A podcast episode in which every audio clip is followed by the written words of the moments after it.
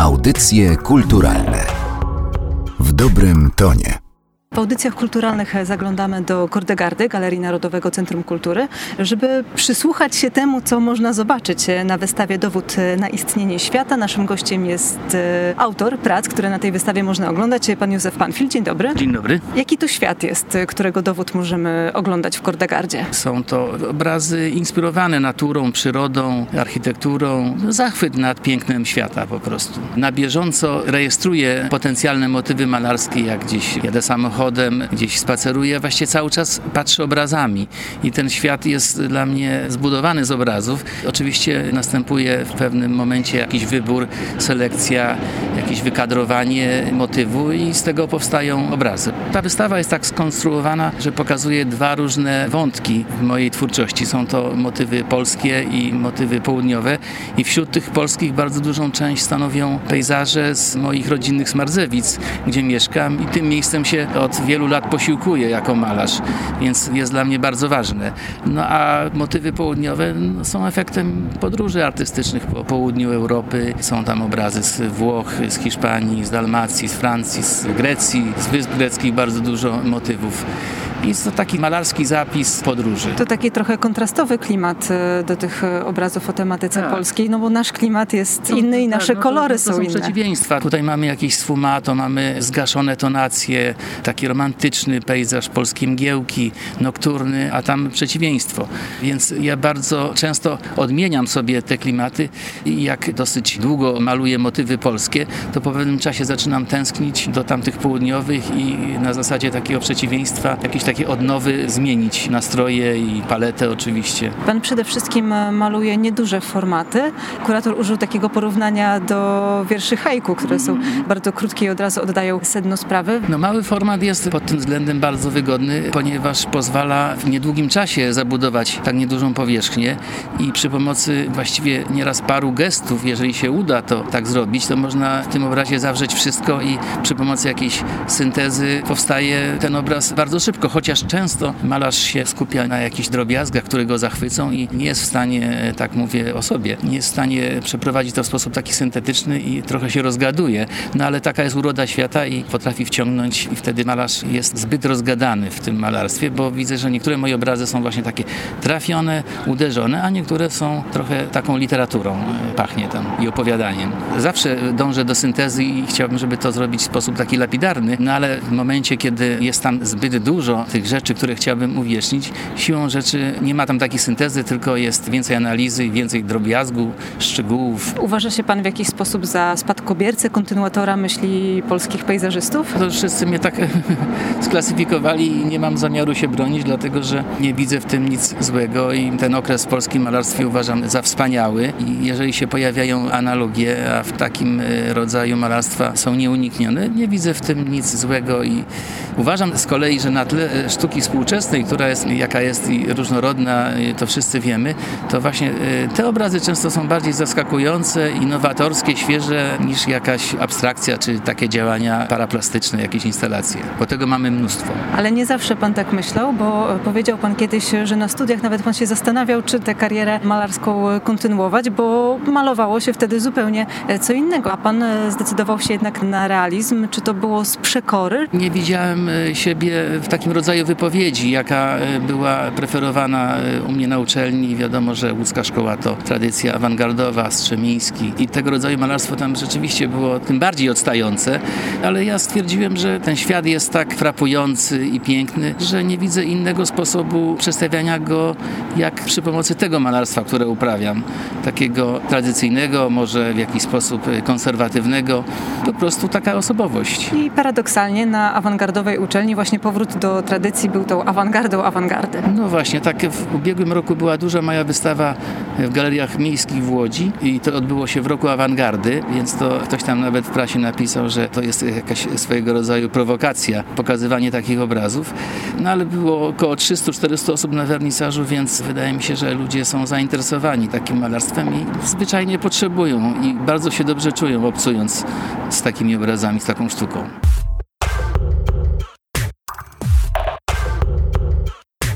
Przyglądając się wystawie Dowód na istnienie świata, rozmawiamy z jej kuratorem Łukaszem Kosowskim. Dzień dobry. Dzień dobry. Tekst kuratorski zaczął pan dosyć kontrowersyjnie. Wiadomo, że malarstwo pejzażowe się skończyło. To oczywiście uogólnienie, pół żartem, pół serio. Niemniej, jeżeli malarstwo pejzażowe traktować jako wyraz konkretnej postawy, to chyba stwierdzenie prawdziwe. Tak się dzieje, że sztuce współczesnej ten gatunek malarstwa pejzażowego nie jest szczególnie preferowany. Jest w zasadzie wyjątkiem z reguły i jak się wydaje, jest to wyraz pewnej postawy artystycznej, nie przypadku. Generalnie rzecz ujmując, odwróceniem się artysty od świata realnego. I sądzę, że nie jest to tylko i wyłącznie symptom mody, czy też pewnej tendencji artystycznej, ale zmiany kulturowej. Cała tradycja malarstwa pejzażowego, tego najwspanialszego, począwszy od mniej więcej pierwszej połowy XIX wieku, aż do czasów nam współczesnych, polega na symbolistycznym traktowaniu natury.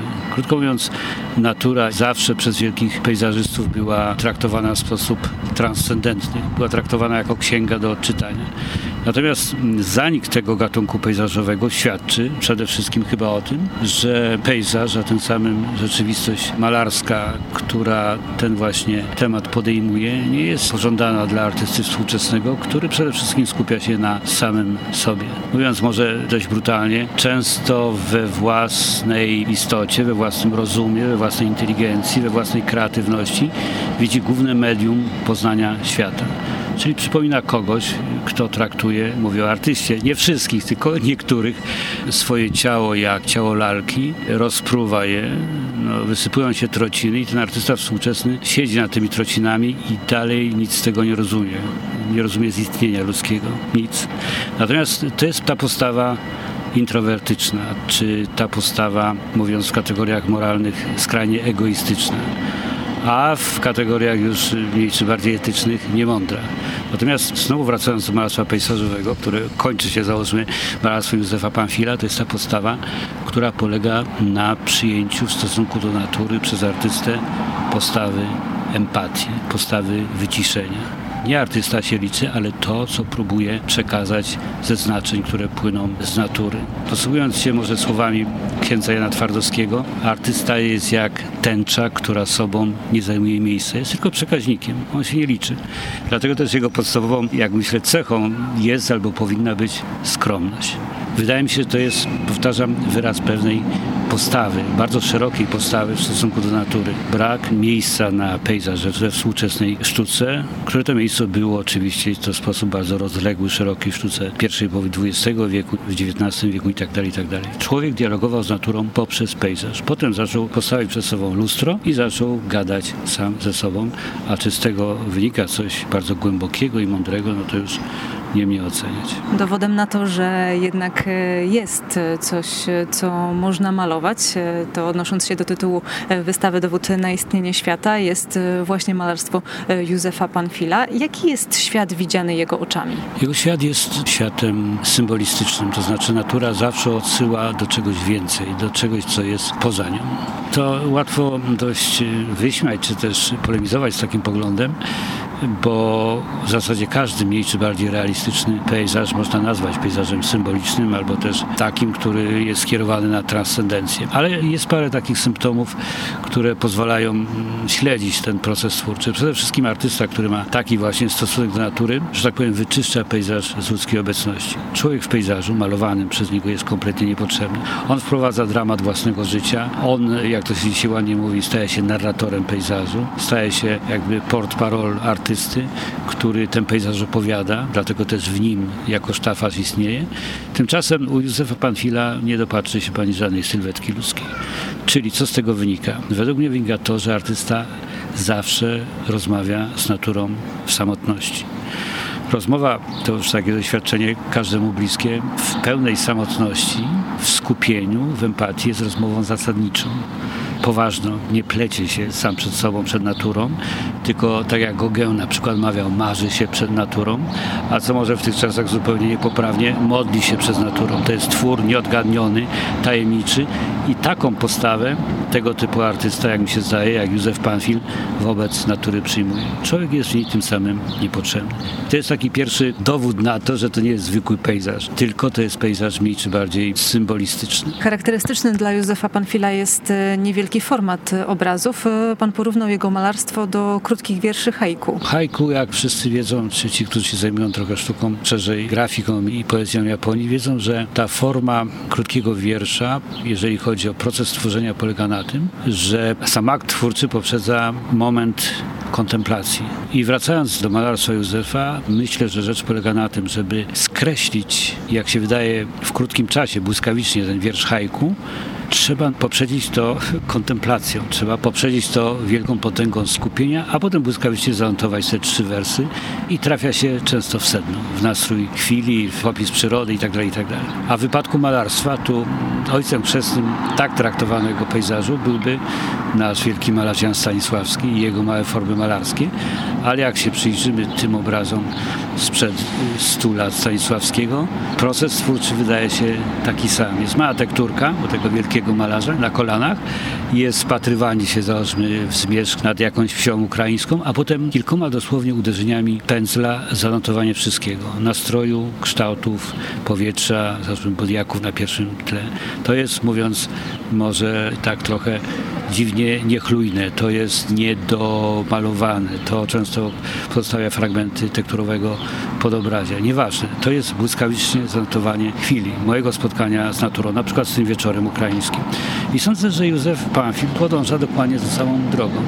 Świadomie wybiera małe formaty, żeby mieć możliwość tego szybkiego zapisu. Świadomie ogranicza i skalę tematu, i skalę barwną. No ja przynajmniej czuję w tym malarstwie właśnie to skupienie, właśnie rozmowę z naturą, bardzo intymną. No i tą postawę, o której już wspomniałem, bo jesteśmy niedaleko kościoła Wistek, zanotowanym w wierszu księdza Jana, czyli bycie jak tęcza, która sobą nie zajmuje miejsca. To jest niesamowicie ważna rola artysty, jeżeli jest aż tak skromny, że potrafi taką postawę przyjąć. Być jak tęcze.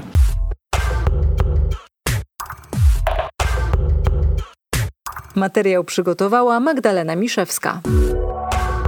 Audycje kulturalne w dobrym tonie.